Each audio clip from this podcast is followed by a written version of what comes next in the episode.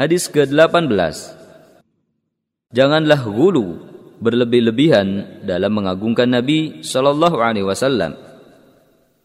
ابي هريره رضي الله عنه قال قال رسول الله صلى الله عليه وسلم لا تجعلوا بيوتكم قبورا ولا تجعلوا قبري عيدا وصلوا علي فان صلاتكم تبلغني حيث كنتم Dari Abu Hurairah radhiyallahu anhu ia berkata, Rasulullah shallallahu alaihi wasallam pernah bersabda, Jangan jadikan rumah-rumah kalian sebagai kuburan, dan janganlah jadikan kuburanku sebagai tempat hari raya, dan bersalawatlah kepadaku, karena salawat kalian sampai kepadaku di mana pun kalian berada. Hadis riwayat Abu Dawud disahihkan oleh Al-Albani. Perawi hadis lihat hadis nomor 13.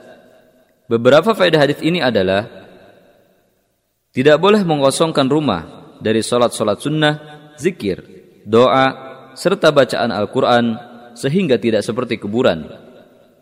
Dalam hadis ini terdapat larangan berkumpul-kumpul untuk mengunjungi kuburan Nabi Shallallahu Alaihi Wasallam seperti berkumpul untuk berhari raya, baik dengan tujuan agar menghilangkan kesulitan atau keburukan dengan melanggar batas pengangguran baik dengan tujuan agar menghilangkan kesulitan atau keburukan dengan melanggar batas pengagungan terhadap Nabi Shallallahu Alaihi Wasallam.